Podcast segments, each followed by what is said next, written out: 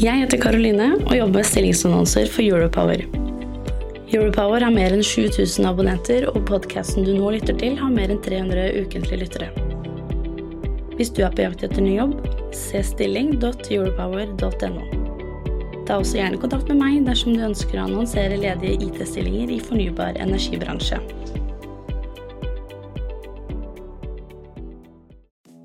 Du lytter til Teknologioptimistene fra Europower Partner.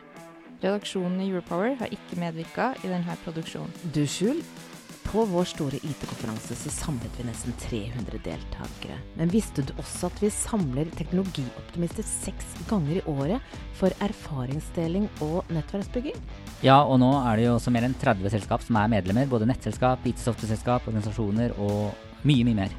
Og så møtes vi på, på nettverkstreff ute hos hverandre. Og i år så har vi vært hos Embrik, DNV, Soprasteria og nettselskapet Lede. Og så skal vi snart møtes hos Statnett, og deretter Itera. Men da ses vi, da. Gjør vi ikke? Hvis du er medlem, så ses vi. Hvis ikke Så kan du gå inn på teknologioptimistene.no og bli medlem. Men nå er det nok reklame. Skal vi gå i gang med podkasten? La oss gjøre det. Hei og velkommen til Teknologioptimisten, en podkast for IT-beslutningstagere i fornybar energibransje. Jeg heter Skjul Kristian Aamodt og jobber i Europower. Og i den aller første episoden av Teknologioptimistene så var eh, en uh, hyggelig person som het Jon Andreas Pretorius gjest.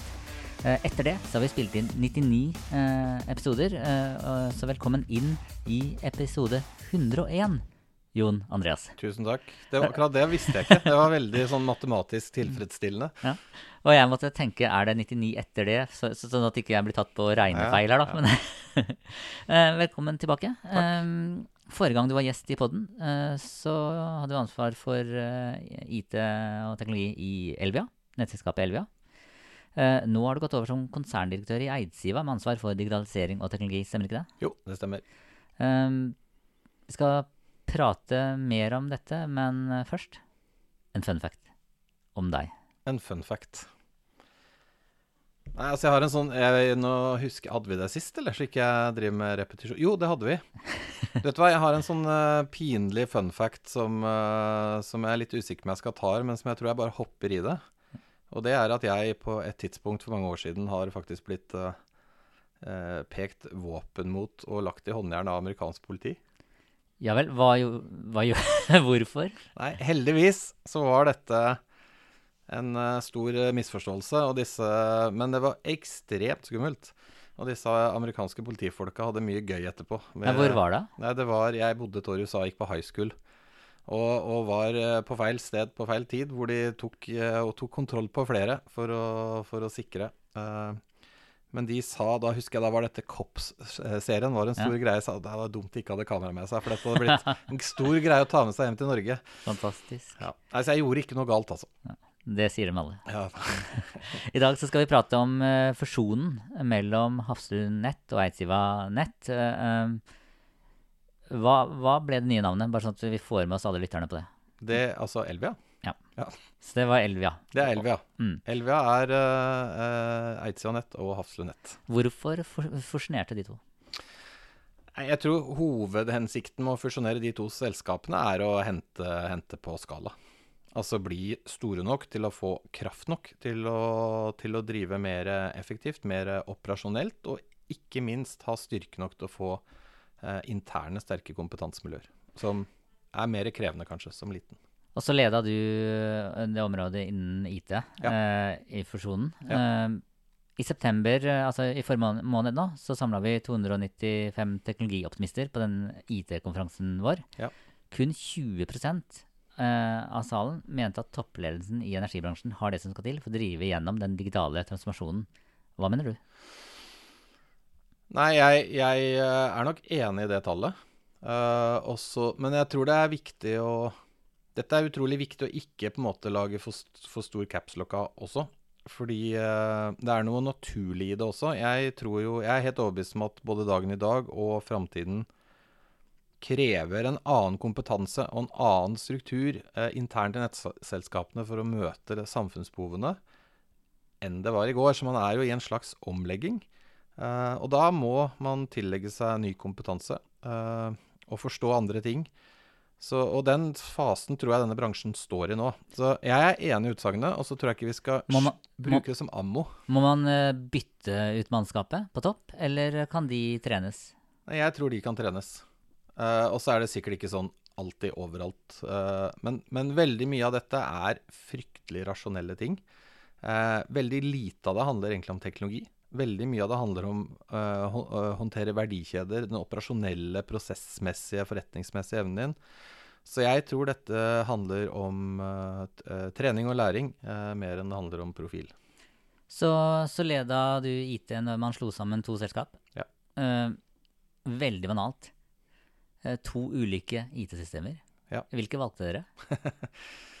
Nei, og det var det i stor grad. Nå var det veldig mange systemer. Uh, så dette var jo en uh, Dette er jo ikke ett og ett system, men Var det litt sånn gi og ta? Altså hvis uh, Eidsivanet eh, fikk inn Nei, og det er det det Tradisjonelt så er det jo sånn det er, at man velger det beste. Kanskje det er litt i og ta. Kanskje det handler også litt om hvor du har sterkest kompetanse rundt. Ikke nødvendigvis bare det beste systemet osv. Men, men i det store og hele, i denne Elvea-fusjonen, så valgte man jo å, i stor grad å velge det tredje alternativet. Altså noe helt nytt. Noe annet.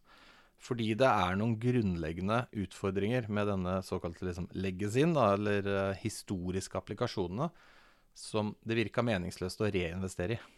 Så det var billigere å, å lage alt på nytt, eller å sette sammen alt på nytt, enn å å lapp, ha et lappteppe? Ja, mener jo helt opplagt fortsatt det. Eh, prosjektet hadde sikkert vært uh, Lappeteppeprosjektet hadde vært billigere.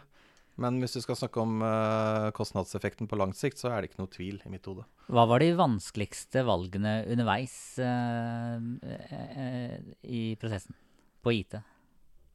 Nei, jeg, jeg, vet du hva, jeg syns ikke valgene på IT var sånn superkrevende, egentlig. Jeg tror den vanskeligste oppgaven er jo at hvis du kjøper blank og ny og flott uh, fleksibel teknologi, som kanskje er fleksibilitet er det viktigste ordet da, som kjennetegner uh, det, det man ønska å bli kvitt, det var lav fleksibilitet, så er det jo det er Du får ikke noe effekt ut av det hvis ikke du jobb, begynner å jobbe på en annen måte forretningsmessig. Og det å klare å både modernisere teknologisiden, men også utvikle forretningsdriften din, prosessene dine, hvordan du jobber Det å gjøre det parallell, eh, vil jeg si det var det absolutt mest krevende, og fortsatt er krevende. Og da var det å få to kulturer til å jobbe på en, ikke, på en helt ny måte. Ja. Og så og så tror jeg ikke det er alltid friksjon i det. Um, så, altså, det er det alltid. Friksjon, det er jo det man, i, man kaller det i konsern. Eh, eh, i, ute på gata kaller man det krangel. Krangel. Nei, men det er alltid ja, den kranglinga, da. Det er alltid en utfordring. Men jeg, men jeg tror for så vidt den er ganske naturlig. Den er håndterbar. Den går seg til litt automatisk òg når folk møtes og får jobbet sammen over tid. Så det er vel ikke den barrieren som jeg mener er størst. Den, den krangelen som kanskje er aller størst og vanskeligst, er jo Man skal ikke smelte sammen to eksisterende, man skal forflytte seg samtidig fram i tid. Så man må jobbe annerledes. Man skal ikke, det er ikke sånn at vi skal velge din måte eller min måte, men vi må i tillegg finne ut av hvordan vi skal jobbe annerledes enn en det vi begge har gjort i framtiden. Altså Elvia har jo hovedkontor her i Oslo. Eh, Nei, Nei. Elvia har hovedkontor på Hamar. ja, er det sånn det er nå? Ja. Ja. Nei, sånn har det vært hele tiden. Sånn har det vært hele tida? Ja. Eh, men det er noe sånn Oslo-kultur og Hamar-kultur Ja. her òg, er det ikke det? Jo da. Jo. Nei, altså Hafslund Nett eh, jo, var jo Oslo-selskapet, og Eidsiv var innlandsselskapet. Og, og sånn litt, litt sånn nord- og sør-greier er det jo var. Var, er, vet ikke. Uh, ja, litt som du fra Fredrikstad opprinnelig. Ja. Eh, jeg er fra Sarpsborg. Ja. Uh, Sarpsborg er jo best, men du Det har blitt noe av deg òg, etter hvert. Vi får se hvem som vi- vinner til slutt her.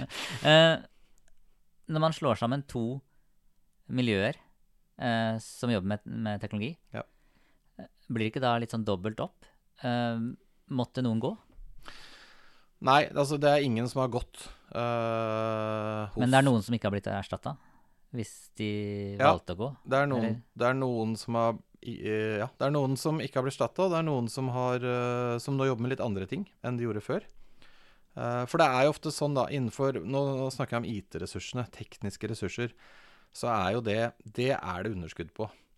Så det handler jo nesten ikke om at folk er feil eh, i det hele tatt, og kompetansen har veldig høy verdi, men det, diskusjonen handler kanskje mer om hvordan du strukturerer det. Hvem gjør hva?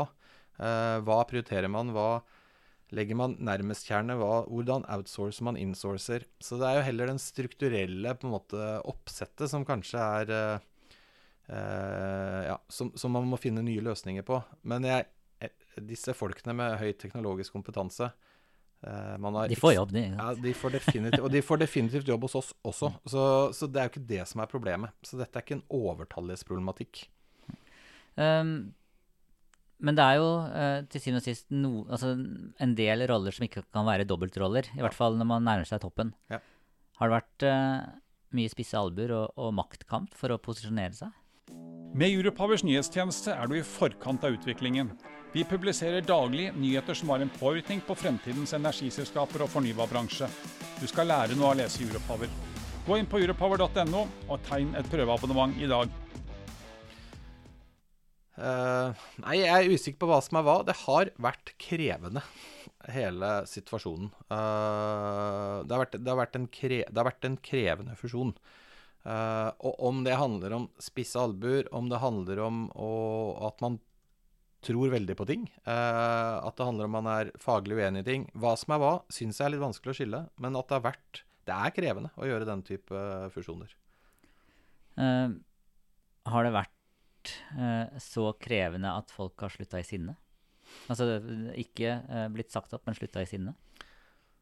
Nei, jeg, jeg, har ikke fått med meg at noen har sagt opp i sinne. Men jeg tror vi har uh, eh, mista noen talenter på veien som har uh, gått lei av fusjonsfokuset og den, de utfordringene som da alltid går i en sånn prosess. Så jeg tror uh, man har tapt Jeg er ganske trygg på at vi har tapt talenter og veldig flinke folk i den fasen, ja, dessverre. Det er vel sånn det er. Vi i Europa mista jo også noen talenter i, når vi slo sammen to selskap. Så dykker de opp som konkurrenter, gitt. Ja, Den var til deg, Anders. ok. Uh, og Anders er en god venn av meg. bare okay, det er sagt. Okay. uh, hvordan ser fremtidens digitale nettselskap ut? Det er jeg lyst til å bare svare litt Jeg har lyst til å begynne litt enkelt. Fordi For meg så er det ganske enkelt. Det er, altså Målet er ganske enkelt. Hvordan lykkes med det, er ganske vanskelig. Fordi det det, alle, det vi alle ønsker å kapitalisere på, er jo evne Altså den teknologiske muligheten i dag innenfor automatisering, innenfor å tilrettelegge selvbetjening, eh, for å få naturlig digital samhandling med andre aktører og internt hos oss selv. Eh, ja, hvem vet? Nå er det på en måte er det noen muligheter innen AI. Det er jo den store hypen om dagen. Eh, alle ønsker å kapitalisere på dette her, både for å bli mer effektive, for å drive bedre og for å fylle kanskje samfunnsoppdraget enda bedre. Det er det ikke noe tvil om. Og så er det sånn at for å lykkes med det, så må man ha all, Superfuelen i alle disse tinga er svært gode data. Høy kvalitet, eh, konsoliderte, kommer fra alle mulige kriker og kroker. Det gjør at du må ha en, eh, en, en IT-arkitektur som som er litt fri for barrierer. Sant? Eh, du må kvitte deg med en del sånne ting som står i veien for å få til det. Og så må man gå fra som kanskje er enda vanskeligere, er å gå fra avdelings- og divisjonsprosesser, som kanskje også er litt suboptimale, til komplette verdikjeder. Sånn at de informasjonen man skaper når man bygger nett, eksempelvis, er, de er der, og de er tilgjengelige for algoritmene til vedlikehold hver dag. Og det å forflytte seg fra en sånn et slags siloperspektiv på prosess til et verdikjedeperspektiv er en kjempestor omlegging, både kompetanse og kulturelt. Og så må jeg vet at dette ble en lang monolog, men det er en ting som er viktig å si. Det som gjør det ekstra krevende, at den siloevnen, dette fagansvarsstrukturen man har, den er jo så ekstremt viktig. For det er den, det er den uh, evnen du har når stormen kommer. Når du, må, når du, må, drive med aktiv beredskap og faktisk sikre strøm i kontakten overalt. Så man, må, man, skal i utgangspunktet ikke endre kultur, man skal parallellisere to kulturer og to måter å jobbe på. Og det er utrolig innfløkt og krevende. Og så er det dette med eh, Hvis man kommer inn på eh, softwareutvikling i eget selskap. Ja. eh, når jeg prater med toppledere, så sier de at nei, vi kjører smidige prosjekter. Når jeg prater med folk, og nå snakker jeg ikke om Elvia eller Eidsiva, eh, men nå snakker jeg om alle. Ja.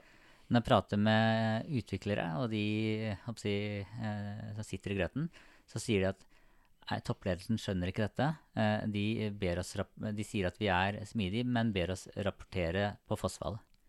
Ja. Hvor er det, hvor er det, det hvor, er, hvor er hullet i veien her? Jeg, jeg kan dele Altså, dette er litt sånn uh, Dette er fa favorittutfordringen min om dagen. Og jeg har ikke svaret, men jeg har veldig lyst til å hjelpe til å prøve å finne svaret. For jeg, jeg tror man ønsker å jobbe smidig. Og så må man fjerne en del sånn tulleord og tøys. Hva er det for noe egentlig? Jo, det man ønsker å jobbe tverrfaglig. Man ønsker å få til denne Kall det verdikjedefokuset, hvor mennesker fra forskjellige fagområder må jobbe sammen. Så kunne kanskje forenkla det litt og sagt at det man egentlig ønsker, er jo kanskje noen varige og noen uh, temporære matriser som faktisk virker, som løser fellesproblemer sammen. Det er vel kanskje målet. Og da er det på en måte smidig rammeverk og tverrfaglig team og, og litt distribuert mandat uh, som blir en del sånn sentrale elementer. Og jeg tror at man tenderer i disse selskapene til å prøve å innføre dette via fossefall. Fordi at litt istedenfor å ta den ene området hvor det er størst problemer, få på plass de absolutt beste menneskene fra de forskjellige, og, gi dem et mandat, og sette inn en, en, leder, eller kall det en coach, eller kall det en fasilitator, som også klarer å på en måte lede dette teamet fra problem til løsningsforslag til testing og implementering til slutt så får man veldig behov for å kommunisere til hele organisasjonen hva dette er. Sånn at ikke noen tror det er noe skummelt. Man får veldig behov for å definere roller. Man får veldig behov for å strukturere kostnaden de bruker. Man får veldig lyst til å la den strukturen være lik for veldig mange team.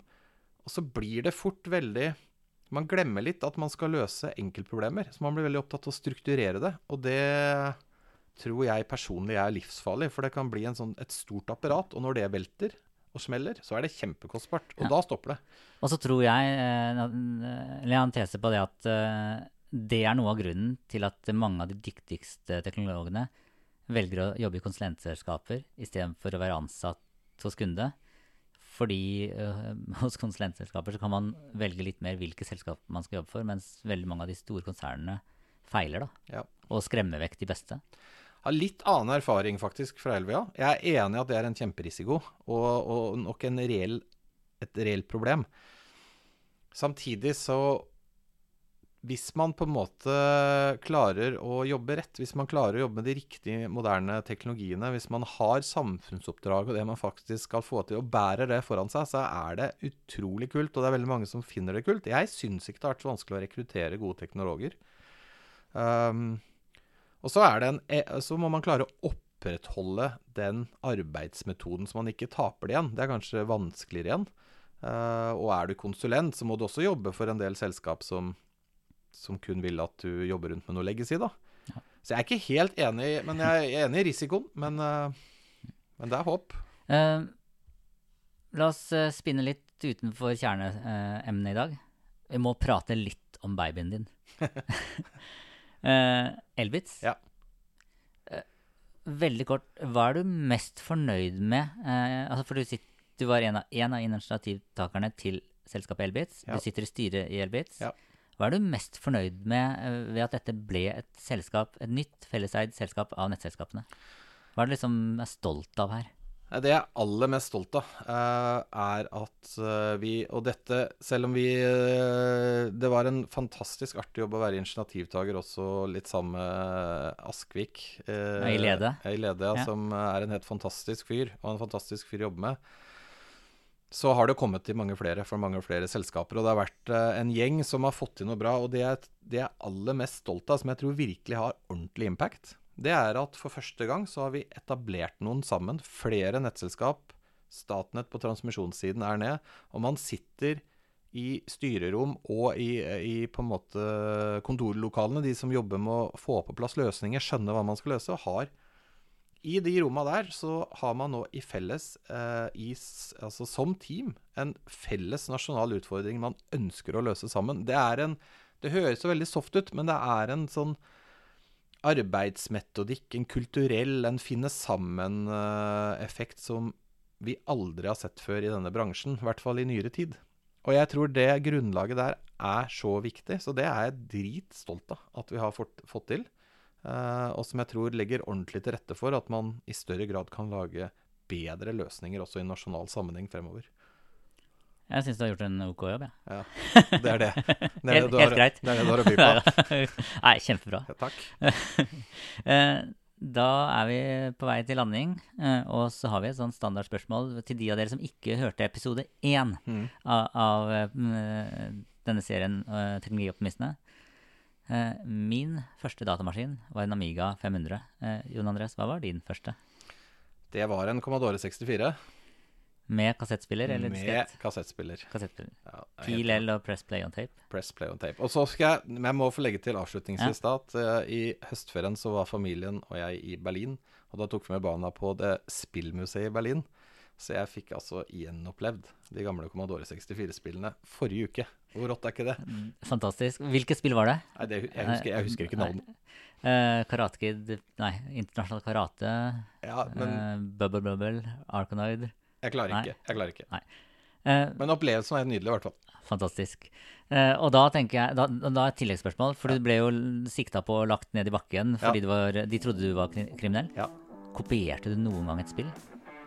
For du vet ikke hva det var? Du vet, dette er eh, public. Altså, det husker jeg ikke. Du kan nikke eller Jeg, jeg, husker, jeg husker ikke. Jeg gjorde det. da sier vi tusen takk til deg som lytter, og som har satt podkasten vår som favoritt på din uh, podkastspiller. Eh, tusen takk til deg, Jon Andreas, fordi du kommer innom her i hvert fall hver hundrede episode. Jeg er klar igjen på 200. Ja, du er klar på 200. Ja. Eh, jeg heter Skjul Kristian Aamodt, og jeg er en teknologioptimist. Og Jon Andreas Petrorus, hva er du? Jeg er en teknologioptimist. Du får ikke lov å svare nå. Takk for oss. Du, Skjul. På vår store IT-konferanse så samlet vi nesten 300 deltakere. Men visste du også at vi samler teknologioptimister seks ganger i året for erfaringsdeling og nettverksbygging? Ja, og nå er det jo også mer enn 30 selskap som er medlemmer. Både nettselskap, IT-software-selskap, organisasjoner og mye, mye mer. Og så møtes vi på, på nettverkstreff ute hos hverandre. Og i år så har vi vært hos Embrik, DNV, Soprasteria og nettselskapet Lede. Og så skal vi snart møtes hos Statnett, og deretter Itera. Men da ses vi, da. Gjør vi ikke?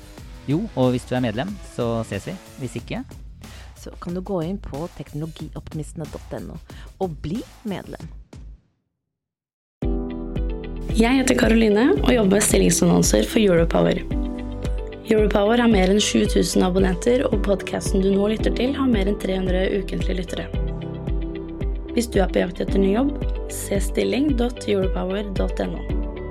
Ta også gjerne kontakt med meg dersom du ønsker å annonsere ledige IT-stillinger i fornybar energibransje.